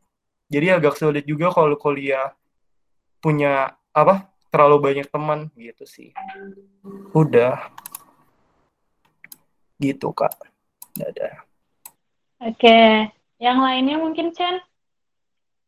Boleh menambahkan Chen? Boleh di open mic sama... Oh cukup, baik. Ini ada, tadi ada respon dari Nah, Chen X Javier lagi-lagi. Terus open mengulang. Oh ya, tadi Nael angkatan 2018 ya, sorry ya salah ya. Oke, kalau gitu lanjut ke pertanyaan selanjutnya. Mantap, Nail. Dewasa banget jawabannya. Asik, Kak Lukas. bangga banget sama Nael kayaknya. nah, selanjutnya. Nah, prospek kerja yang paling banyak dicari apa apa aja Kak? Terus kesulitan selama belajar akuntansi atau administrasi niaga apa aja? Nah, untuk pertanyaan ini yang jurusan akuntansi atau admin niaga mungkin jawab uh, aku minta Javier lagi ya yang jawab ini. Nanti kalau untuk prospek kerjanya mungkin Kak Febi boleh bantu jawab. Jadi nanti langsung apa ke Kak Febi aja ya. Boleh dipin teman-teman Javiernya. Tes, tes. Masuk. Udah belum? Videonya udah ya? Belum ya? Udah. uh, jadi kalau yang prospek kerja sih, karena aku belum kerja juga, tapi mikirnya kalau kan sempet tadi nyicip, kemarin nyicip kerja bentar, magang gitu kan. Nah prospek kerja itu sebenarnya semua pekerjaan ada prospeknya. Cuman kalau menurutku sih pribadi yang paling luas itu ekonomi, karena ekonomi bisa kayak masuk segala bidang gitu. Kayak tadi kan KVB juga pernah bi udah sempet singgung tadi ekonomi bisa sampai masuk ke hampir segala bidang karena kan kita apa-apa sekarang itu ekonomi itu dibutuhin gitu. Nah, kalau mungkin prospek kerja lebih nanti tanya ke yang lebih lebih senior ya. Karena saya masih muda gitu kan. Nah, sekarang kalau kesulitan selama belajar akuntansi itu karena aku dari jurusan akuntansi ya, kesulitan selama belajar jurusan akuntansi itu harus teliti sih sebenarnya karena aku orangnya nggak telitian, aku orangnya suka buru-buru.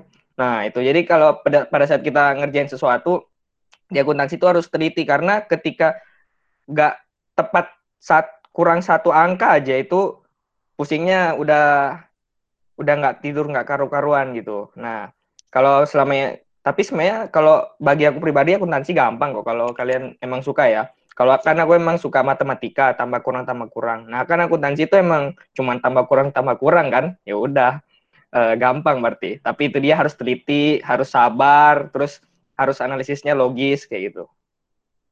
Mungkin yang lain mau nambahin? Oh ya, untuk uh, mungkin sekalian jawab kali ya. Masuk ke stan itu sulit nggak? Katanya Edo tuh. Edo nanya di kolom chat. Mungkin pakai oh, perbandingan. Iya, Misalnya kayak seribu, seribu yang daftar, misalnya yang lolos cuma 10 gitu atau pakai perbandingan gitu boleh. Oh, kalau mau dibandingin lewat yang mendaftar sama yang lulusnya lumayan sulit sih karena yang diterima itu dikit. Sedangkan yang daftar tuh banyak. Kemarin kalau nggak salah ingat kan ada yang sampai 140 ribuan yang diterima cuma 6 ribu ada yang 3 ribu tiap tahunnya.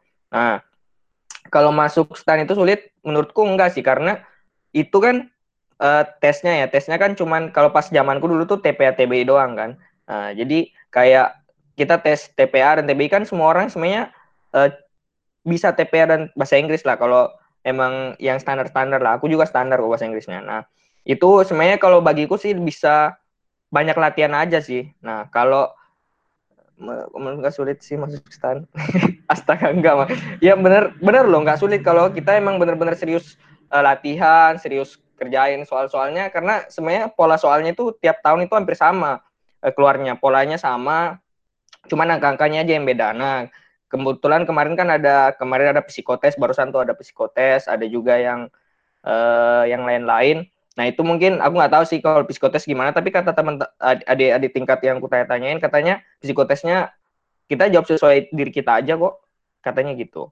Sebenarnya kalau mau masuk stan asalkan ada niat dan doa kalau emang Tuhan kehendaki pasti masuk kok.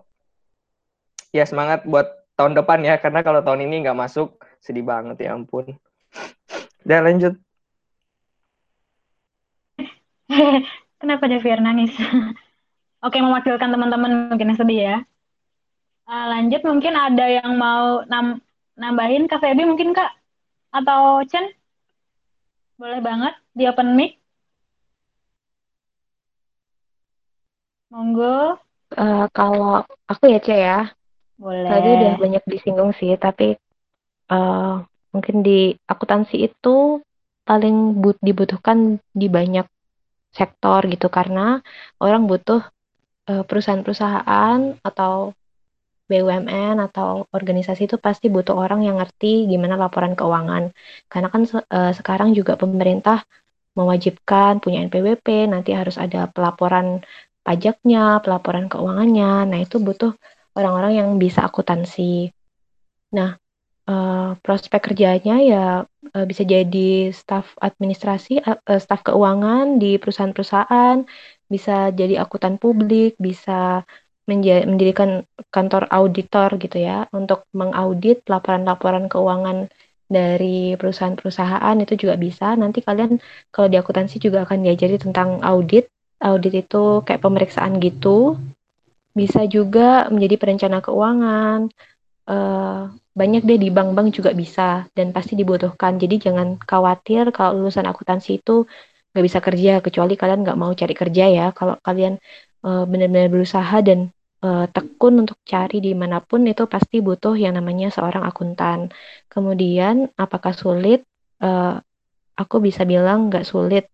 Cuman kalian butuh sabar dan teliti aja sama kayak Javier tadi. Terus uh, untuk Tadi ada yang menjawab apakah susah masuk stan. Yang tadi udah dijawab sama Javier, gak susah. Gak susah sih teman-teman, asal kalian benar-benar belajar.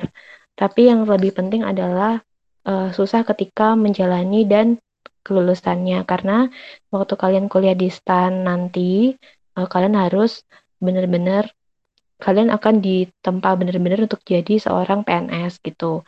Harus mengikuti aturan dan sebagainya. Nah, kalau kalian adalah orang-orang yang nggak fleksibel atau orang-orang yang sangat bebas, itu mungkin akan susah untuk kuliah di STAN karena banyak banget aturannya.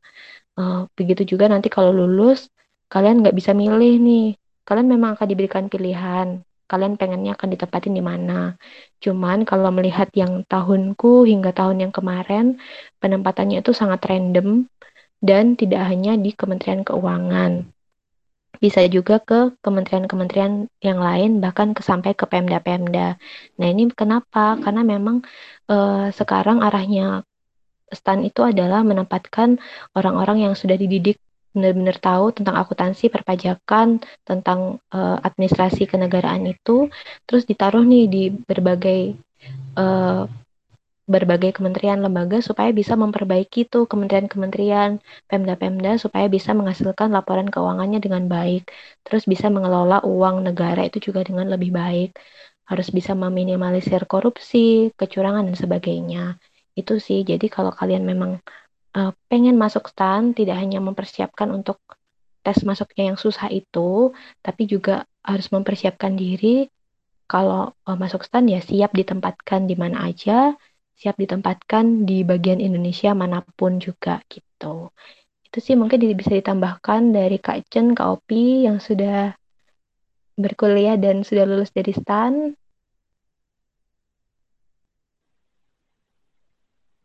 Oke, makasih Kak Feby. Mungkin ke pertanyaan selanjutnya aja kali ya, karena waktunya terus berjalan teman-teman. Terus ada pertanyaan juga dari kolom chat dari Miranda. Nanti aku akan bacakan ya Mir. Tenang aja Mir, gak usah sampai PCWA segala. Tenang-tenang, oke? Okay? sampai nge PCWA lo guys. Terus pertanyaan selanjutnya aja ya, kayak Excel boleh di next. Nah, nih pertanyaannya yang ditanyakan oleh para para calon-calon mahasiswa. Ada rombongan nih, mungkin ini yang semuanya boleh jawab yang ini dulu nih, yang pertama mau tanya Bang Javier sama Bang Chen. Bang Chen, Mas Chen kali ya. Tips and trick masuk stan aja kak. Loh ini Bang kak. Oke terus kalau mau masuk stan yang hitungannya sama hafalannya seimbang itu mendingan milih jurusan apa? Terus yang terakhir perbedaan dunia perkuliahan sama SMA itu apa aja? Kuliah emang susah itu ya? Apa kuliah sambil kerja itu sesuatu yang mungkin? Nah boleh dijawab mungkin dari yang pertama Nanti pertanyaan yang pertama ini Chen sama Javier boleh uh, jawab. Terus yang kedua mungkin Kak Opi. Terus yang ketiga mungkin Kak Lukas atau Nael. Boleh. Yuk boleh dipin teman-teman. Chen dulu. Ya, dan... Oke. Okay. Masuk, masuk. Kalau tips and trick masuk stan apa aja? Jadi uh, bener kata Javier sama Kak Feby sih banyak-banyak latihan aja. Sebenarnya dibandingkan dengan SBM, uh, eh, STAN itu lebih simpel. Soalnya kayak TPA TPI aja, benar kata Javier. Tapi ribetnya itu ya kalau apa persaingannya sih mungkin lebih luas, tapi uh, untuk yang lainnya banyak-banyak latihan aja juga ikut tryout tryout online mungkin juga uh, sekalian ngasih tips kalau misalnya belajar stan juga bisa dipakai waktu SBM kayak TPA TBI-nya itu kepake banget waktu tes SBM nanti. Terus uh, kalau masalah tes fisik kalau kalian milihnya mungkin bukan bea cukai itu bukan masalah yang berat mungkin cuma uh, ya dilihat secara fisiknya aja juga cuma lari keliling lapangan aja kok jadi tenang aja pokok yang dilihat itu kalau tes fisik kata-katanya sih jangan sampai nyerah. Maksudnya jangan sampai berhenti di tengah jalan atau habis lari kenceng tiba-tiba berhenti itu jangan sampai gitu. Udah sih kalau menurutku tips and triknya itu oh iya uh, sama jangan hilang harapan. Maksudnya kan STAN tahun ini moratorium uh, di tahun 2011 dan tahun 2012 eh di tahun 2012 itu waktu itu STAN juga sempat uh, ada wacana moratorium. Tapi kenyataannya nggak jadi. Tapi ya doakan aja misalnya Tuhan dapatkan yang terbaik di stan ya doakan stan bisa buka ataupun ya bisa daftar kuliah di lain nanti masuk jalur CPNS-nya dari Kementerian Keuangannya sendiri itu. Terima kasih teman-teman. Oke, mungkin Kopi boleh boleh eh tadi siapa yang Aku kak mau Mungkin, nambahin. Oh boleh boleh boleh silahkan monggo monggo. Itu yang uh, sebenarnya di ada juga satu tes yang ini sih kalau di stan itu ada tes namanya SKD itu itu sebenarnya tes CPNS-nya jadi kita, cepat aja ya itu kayak ada TWK ada TIU ada TKP nah yang TKP itu yang uh, tes kepribadian apa yang akan kita lakukan nah itu sebenarnya cepet-cepetan aja karena soalnya bakal banyak itu kalau yang TU kayak TPA, sedangkan yang TWK itu wawasan kebangsaan kayak sejarah-sejarah. Itu banyak-banyak hafalan aja sih. Itu lebih dilatih juga, soalnya banyak juga yang jatuh di situ. Udah. Makasih, Kak. Oke. Selanjutnya Kak Opi mungkin? Hitungan okay. hafalan seimbang. Kalau masuk STAN yang hitungan sama hafalannya seimbang. Kalau menurut aku, hitungan sama hafalannya seimbang itu masuk jurusan pajak karena kita belajarnya hafalannya hafal belajar hafalan terkait undang-undang pajak dari pajak penghasilan, ketentuan tata cara perpajakan, eh, hukum keuangan negara juga. Tapi kita juga belajar cara menghitung pajaknya dari misal penghasilan sekian, pajaknya eh, berapa persen. Nah, itu hitungan itu hitung hitungannya juga kepake. Sama kita di jurusan pajak juga belajar tentang akuntansi. Meskipun cuma pengantar tapi eh, ya kita belajar akuntansi juga gitu. Hitungan sama hafalannya masih seimbang. Kalau masih seimbang itu yang jurusan pajak atau enggak yang penilai. Seperti itu. Itu jawaban aku Oke, makasih. Kalau yang untuk perbedaan dunia perkuliahan sama SMA, mungkin tadi secara nggak langsung udah dijawab kali ya. Kalau di SMA mungkin ada guru yang ngejar-ngejar kita. Kalau misalnya kuliah itu mungkin ada silabusnya. Tujuh minggu biasanya tujuh minggu belajar abis itu ada UTS terus tujuh minggu belajar lagi terus ada uas jadi udah ada materi-materinya yang mungkin nanti teman-teman boleh tanya ke dosen supaya bisa mempersiapkan gitu terus kalau ditanya mungkin ini pertanyaannya untuk Kak Lukas, kuliah emang susah itu ya Kak? Terus kuliah tuh sambil kerja apakah sesuatu yang mungkin? Kak Lukas mungkin boleh bantu jawab. Kalau kuliah susah, sebenarnya sih uh, tergantung ya, tapi harusnya sih bisa, apalagi kita udah lolos tes gitu kan ya. Cuma mungkin aku jawab dalam konteks yang tadi Miranda tanyain tentang jurusan IPA, ya gitu. Nah, sebenarnya kalau aku sih IPS. Kalau di ilmu ekonomi, itu sebenarnya banyak uh, pelajarannya tentang matematika, statistik, uh, grafik kayak gitu-gitu. Nah, justru kalau di ilmu ekonomi itu banyak yang anak IPA-nya kalau nggak salah deh. Seangkatan aku banyak kan IPA-nya dan memang justru anak IPA lebih bisa ngikutin karena itu kan matematik, statistik. Nah, IPS uh, eh, agak struggling tapi masih bisa. Tapi kalau untuk akuntansi, mungkin IPS lebih unggul karena waktu SMA udah pernah dapat akuntansinya. kalau aku lihat anak IPA justru mungkin agak-agak masih susah ngikutin di awal-awal. Tapi secara umum sih setelah uh, dapat dasar-dasarnya kayaknya oke okay deh. Kalau manajemen sih kayaknya IPA itu IPS nggak masalah. Kalau yang uh, kuliah sambil kerja itu uh, aku nggak banyak nemuin sih waktu dulu teman-teman aku sambil kerja aku sendiri juga enggak. Tapi emang banyak kan ya paling usahain beasiswa uh, entah bidik misi atau mungkin dari perusahaan-perusahaan juga banyak. Terus uh, mungkin kalau kerja paling aku saranin sih mungkin jangan terlalu yang uh, ngabisin waktu karena uh, lebih baik kita fokus kuliah aja dulu. Kalau mungkin kayak cuman online atau kayak gimana mungkin masih bisa kayak gitu Oke, ber berarti tadi pertanyaan Melanda udah dijawab ya, Kak? Sama Kak Lukas. Tuh ya, Mir, udah dijawab, Mir. Gak baca lagi, Mir. Terus, uh, oh ya, Naya bilang, iya, Kak, setengah lebih baik gitu. Terus sambil lesin gitu, Kak. Terus ya part-time aja seru. Oh iya, nih ada pertanyaan terakhir.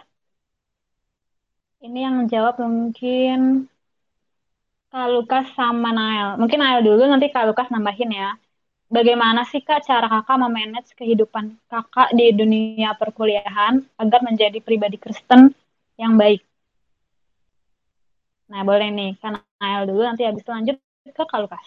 Mungkin Kak Lukas ada yang ditambahin nanti. Nael boleh. Um, Teman boleh dipin. Bagaimana sih Kak cara Kakak memanage kehidupan Kakak di dunia perkuliahan? Jujur sampai saat ini masih struggle sih. Masih kayak nggak nemuin gimana sih caranya nyemangatin buat belajar, nyemangatin buat jadi pribadi Kristen yang lebih baik, kayak jadi terang di tengah-tengah teman-teman. Sekarang juga masih kayak banyak teman-teman yang jauh lebih pintar, lebih rajin. Gitu sih. Jadi bingung sih gimana cara manage-nya. Mungkin Kak Lukas lebih bisa jawab deh dibanding aku. Silakan Kak Lukas. Oh ya pastinya emang struggling banget sih kata Nael. Dulu aku juga jatuh bangun. Tapi ya pastinya kayak tetap punya komunitas Kristen, kelompok kecil, KTB, terus datang persekutuan sama pelayanan sih itu yang menolong tetap jadi pribadi Kristen yang baik. Mungkin yang lain boleh. Oke, berarti emang di makasih ya jawabannya. Makasih makasih jawabannya. Berarti emang kita harus terlibat dalam komunitas, dalam pelayanan ya teman-teman saat nanti masuk ke dunia perkuliahan. Jadi itu yang paling penting banget. Oke, sekarang pertanyaan yang dari Google Form sudah selesai. Banyak dari teman-teman yang sudah bertanya ya. Sekarang kita lanjut. Kalau misalnya ada teman-teman yang bertanya, boleh banget nanya atau mungkin sudah cukup. Ayo direspon. Di sini ada Andin, Beckham, ada Edith Iren, ada Evelyn. Halo Evelyn. Terus ada Galuh Iren ada Kai. Cile ayo Cile. Ada Melisa Miranda tadi udah ada Monica Otnil dan lain-lainnya. Puri ayo. Apakah sudah? Mau ada yang bertanya? Ke Eksa sambil di next slide. Itu ada nah itu ada sesi Q&A langsung. Sebutin nama asal sekolah Tadi thank you pertanyaannya udah masuk. Tadi udah dijawab juga. Ada Edo juga. Iya, tadi juga udah dijawab. Miranda juga udah tadi ya.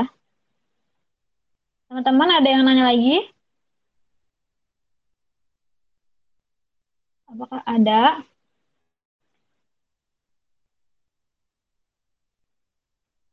Gak ada sepertinya ya. Udah cukup ya teman-teman? Apakah cukup? Boleh direspon di grup chat. Jadi sebenarnya sudah cukup atau ada yang mau bertanya lagi? Aku mau nanya Kak, mau langsung ya? Boleh kalau misalnya mau langsung open mic? Iya, jadi aku mau nanya Kak, kan uh, tahun ini kan Stan kan nggak buka ya pendaftaran dan uh, tahun depan kata uh, dan itu katanya uh, kuota tahun depan diperbanyak gitu.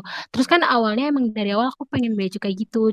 Cuman karena tinggi badan aku nggak mencapai maksudnya kan ada batas minimal tinggi badannya gitu kan terus kayak aku masih bergumul gitu karena tinggi badan aku nggak nggak nggak pas, pas maksudnya pas-pasan banget segitu terus uh, terus tahun ini kan aku mau coba juga untuk SBM dan tahun depan aku mau juga uh, mau coba ambil stan kira-kira dan mau ngam, mau ngambilnya bea cukai kira-kira. Kalau misalkan tahun ini uh, aku ngambil SBM uh, itu tuh jurusan apa yang masih berhubungan gitu sama uh, bea cukai? Kalau seandainya tahun depan aku ngambil bea cukai gitu. Jadi maksudku kalau misalkan tahun depan aku nggak ke nggak maksudnya nggak keterima di stan bea cukai kalau aku coba tahun depan.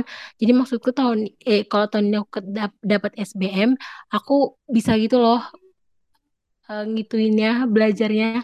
Maksudnya gitu apa sih? Gitu deh pokoknya kayak Oke, paham Miren, paham. Jadi aku mau mengulang pertanyaannya, jadi masih bergumul uh, tahun eh tahun ini karena nggak ada pendaftaran, jadi hari eh hari. Tahun ini mau ikut SBM. Nah, sebenarnya jurusan apa yang sama kayak bea cukai di stan itu? Gitu ya, Yaren, bener ya? Sepertinya bener.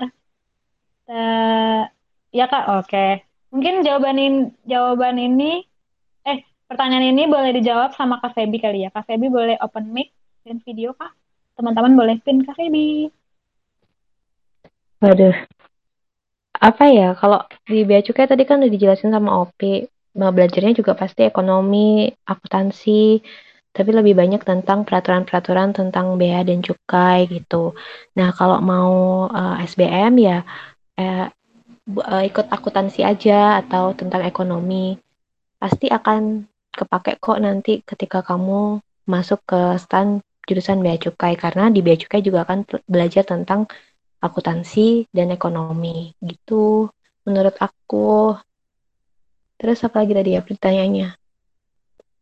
Uh, kalau untuk tinggi badan uh, jangan khawatir ya dek misalnya nanti kalau kan emang ada tinggi badannya cuman bisa juga orang yang tinggi badannya nggak segitu bisa juga masuk kok gitu. Ada beberapa yang gitu. Terus uh, selain itu kalau kamu pengen banget kerja di bea cukai masih ada kesempatan itu dari jurusan yang lain. Misalnya aku D3 akuntansi, ada kok teman-temanku yang ditempatin di bea cukai juga. Jadi kalaupun nanti masuk STAN tapi uh, dapatnya jurusan yang lain bukan bea cukai, tapi kamu tetap bisa milih uh, meminta untuk ditempatkan di bea cukai. Tapi terakhir apa uh, yaitu tergantung ke Tuhan sih mau tempatin kamu di mana. Jadi kamu persiapkan aja secara uh, akademis dan juga secara mental untuk masuk stan itu benar-benar dipersiapkan gitu. Mungkin teman-teman yang lain dari Javier, Chen, Opi bisa menambahkan. Oke, okay, thank you Kak Febi jawabannya dan juga Iren, makasih pertanyaan bagus dari Iren. Ataukah Iren mau bertanya lagi? Mas, udah apa? Udah cukup? Oke, makasih Kak. Ya, cukup Kak. Oke. Berarti udah ya. Ada teman-teman lagi yang mau bertanya secara langsung atau tertulis, boleh banget. Kalau mau biar lebih jelas, nggak apa-apa kok dipakai suara kayak Iran tadi. Aku mau nanya juga boleh, Beckham, ayo. Open mic boleh, video juga boleh. Jadi aku mau nanya Kak. Uh, ya. Kan uh, sebenarnya kan uh, aku milih uh, menggumulkan bea cukai ini karena sebenarnya dari awal kelas 10 tuh uh, papa tuh pengennya aku jadi PNS gitu masuk stan. Jadi sebenarnya uh, alasan aku milih uh, stan ini buat kerinduan biar bisa buat pap, bisa bikin papa bangga gitu kan. Nah sebenarnya tapi uh, aku tuh sebenarnya bingung uh, kondisi apa yang bi bisa membuat aku yakin bahwa aku terbeban sama jurusan ini. Sedangkan uh, aku sampai saat ini pun masih menggumulkan dua jurusan gitu tapi yang uh, terbalik gitu maksudnya kayak arahnya tuh beda satu ke sini satu ke sini nah sebenarnya gimana sih cara yang baik buat menanggapi hal itu terus uh, gimana sih caranya kita bisa tahu kalau Tuhan tuh sebenarnya pengen kita ke sini bukan ke sini gitu itu sih kak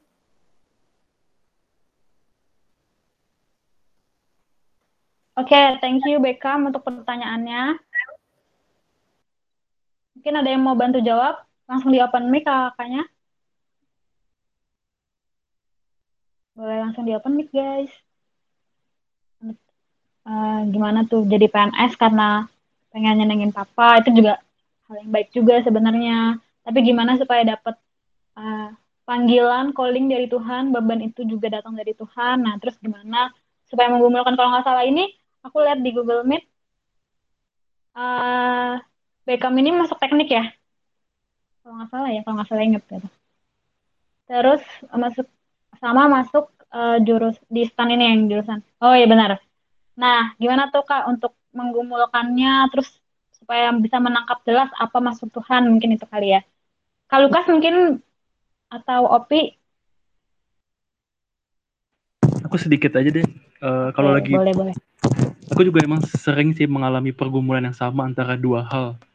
Dan sebenarnya dua-duanya itu baik nah kadang kalau aku benar-benar bingung dan dua-duanya sebenarnya itu kayak meyakinkan ya udah coba jalanin dulu aja dua-duanya misalnya di daftar kalau misalkan salah satu gagal dan salah satu berhasil mungkin itu juga uh, jawaban dari Tuhan sebenarnya kita ke mana itu singkat aja tapi yang lain boleh tambah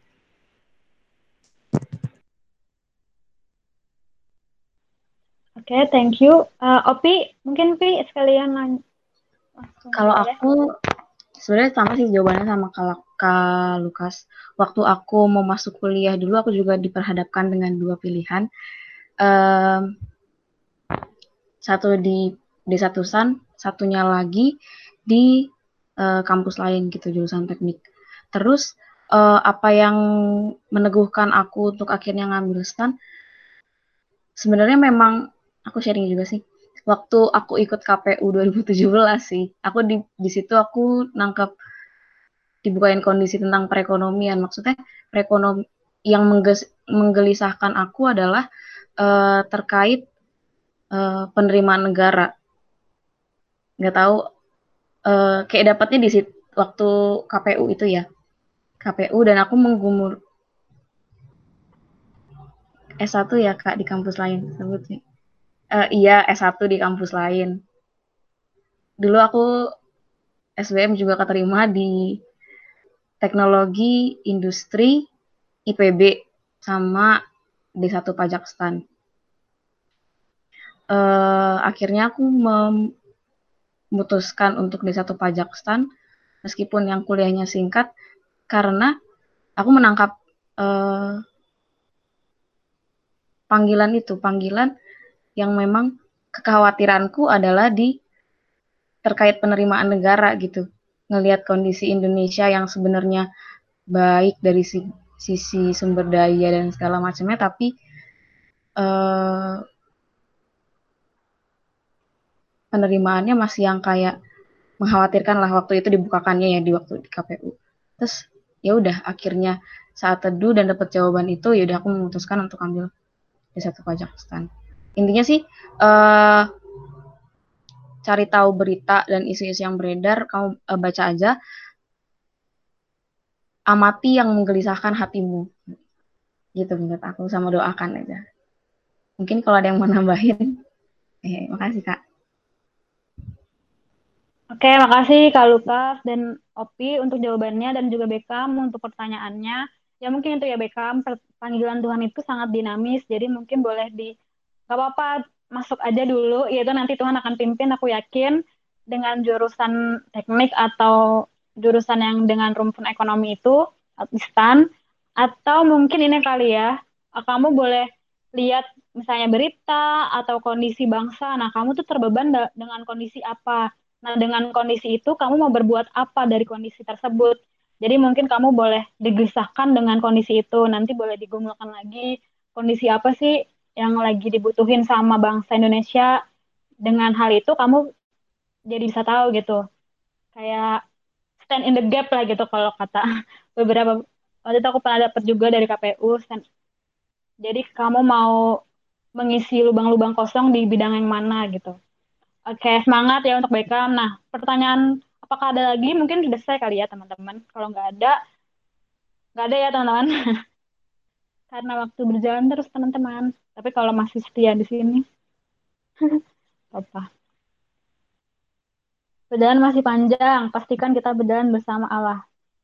Mantap, ya benar. Kapsel ini ya kemarin ya. Yang eh kalau kapsel sesi kedua ya. Setuju, mantap. Setuju sama Beckham. Uh, selanjutnya, selanjutnya mungkin kita sudahi pertanyaan sesi tanya jawab hari ini ya teman-teman. Boleh, kalau misalnya teman-teman masih ada yang mau bertanya, boleh langsung uh, tanya juga ke IG KPU atau ke IG personal dari pembicara. Nah, IG-nya apa? Boleh di next slide. Nah, aku juga selain mau mengapresiasi pembicara narasumber hari ini.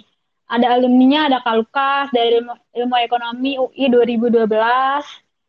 Terus ada Kak Febi PKN STAN 2014, jurusan akuntansi. Terus ada Kopi PKN STAN 2017, jurusannya pajak ya. Terus ada Nael, maaf ya Nael salah, ilmu ekonomi UI 2018. Terus ada Chen PKN STAN uh, 2017, jurusannya pajak ya. Konsentrasinya penilai. Terus kalau Javier juga PKN STAN 2017, D4. Nah, teman-teman boleh mengapresiasi kakak-kakak yang di atas boleh bilang makasih kakak-kakak pelayanannya. Ayo aku hitung ya. Satu, dua. Nah ada nih dari Yaren. Makasih kakak. Melisa, thank you banget kakak buat pelayanannya. God bless you kak. Tuhan pasti menuntun dan gak akan salah. Makasih kak. Dari Moni. Terima kasih kak. Kak Elsa boleh sambil di next ya kak slide-nya. Makasih. Tuh dari Miranda. Makasih Kak Kece atas pelayanannya. Iya, di Kak Kece juga, Miranda. Rika, makasih kakak. Semakin jadi berkat ya kak. Dari Ruth, makasih kak. Dari Chen, semangat teman-teman semua. Tuhan berkati kalian ya, ya guys. Ya guys. Oke. Okay. Eh, selanjutnya nih pengumuman. Jadi perhatiin, masih tetap perhatiin aku kan teman-teman. Masih ada berlangsung KPU uh, hari ini. Nanti sore atau malam jam 6 itu ada ilmu komunikasi dan juga perfilman atau multimedia dan juga ada teknik sipil, teknik lingkungan, terus perencanaan apa ya PWK. Kok aku tiba-tiba lupa? Kota ya, Peren eh gimana? terus ada arsitek, ada kehutanan. Oke, teman-teman boleh ikut nih yang buat anak IPA mungkin kalau sipil boleh IPS komunikasi atau sebaliknya juga boleh banget. Terus, oh ya itu dia perencanaan wilayah dan kota kak. Makasih John. Uh, boleh di next. Nah, aku sambil bacain dari kolom boleh next Hazel. Aku akan bacain kolom komentar. Siapa nih? Uh, Javier, semangat semuanya ya ter gas terus. Opi, semangat adik-adik. Makasih kakak. Terus dari Naya, makasih ya. God bless you tuh juga teman-teman. Semangat kalau masuk UI Fakultas Ekonomi jangan lupa cerita-cerita ya tuh catat catat teman-teman terus uh, kalau mau rekam mau kalau mau mau rekam video ke mana kak rekaman oh boleh boleh. Nanti ke boleh DM at pengutusan siswa 2020 nanti akan di akan dibalas sama kakak adminnya. Kakak adminnya gercep kok teman. Ke apa? Kakak adminnya gercep kok tenang aja. Opi jangan lupa ikut sesi tiga besok. Benar. Itu dia. Teman-teman boleh sambil lihat layar handphone teman-teman atau layar laptop. Sesi besok eh sesi terakhir kita sesi tiga itu besok tadi nggak teman-teman sesi terakhir sesi tiga yaitu kita akan doa bersama teman-teman uh, akan mengikuti sesi doa persekutuan doa doa bagi Indonesia jadi jangan lupa ikut tetap jam 12 sampai jam satu. Jadi kalau misalnya jam 12 ingat aja deh jam 12 itu KPU, waktunya KPU. Yang terakhir teman-teman. Oke, next. Sedih kan nggak ada foto bersama? iya, iya, jadi nanti foto aja, foto layar teman-teman aja nggak apa-apa. Nah, doa penutup aku persilakan kepada Kak Febi untuk boleh doa penutup. Oke, teman-teman, mari kita bersatu di dalam doa. Tuhan, kami bersyukur untuk kesempatan yang Tuhan berikan.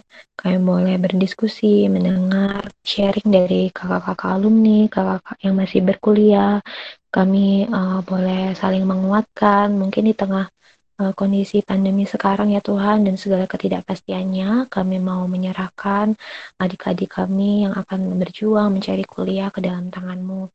Biarlah Tuhan yang boleh terus memberikan uh, harap pengharapan dan kekuatan di dalam uh, mereka sungguh-sungguh belajar, mempersiapkan tes masuk kuliah, dan juga terlebih Tuhan berikan panggilan yang jelas uh, kepada masing-masing teman-teman kami supaya mereka juga uh, yakin dengan pilihan uh, pilihan perkuliahan mereka dan jurusan mereka nantinya.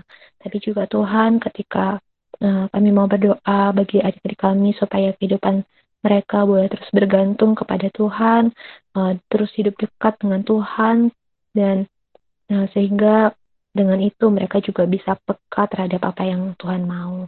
Biarlah Tuhan ketika apa pun hasilnya nanti yang akan didapatkan oleh teman-teman uh, kami yang uh, cari kuliah, biarlah itu juga boleh didasar, disadari bahwa itu juga ada di dalam rencana besar Allah dan uh, kami semua mau terlibat dan kami mau mulai sungguh-sungguh uh, melayani Tuhan melalui apa pun yang bidang kami, apa pun jurusan kami, apa pun pekerjaan kami. Terima kasih ya Tuhan, kami mohon ampun ketika di dalam uh, pembahasan kali ini uh, banyak pikiran, perbuatan, tingkatan kami yang mendukakan hati Tuhan dan bila Tuhan boleh terus mengaruniakan uh, kami pengertian akan firman Tuhan sehingga kami boleh terus berbuat sesuai dengan apa yang Tuhan kehendaki. Terima kasih Tuhan. Sebentar lagi kami akan melanjutkan kehidupan kami, berkati kami, lindungi kami, dan juga uh, buat kami terus mengalami kasih Tuhan dalam kehidupan kami. Terima kasih Allah. Dalam nama Tuhan Yesus kami ucap syukur dan berdoa. Haleluya. Amin.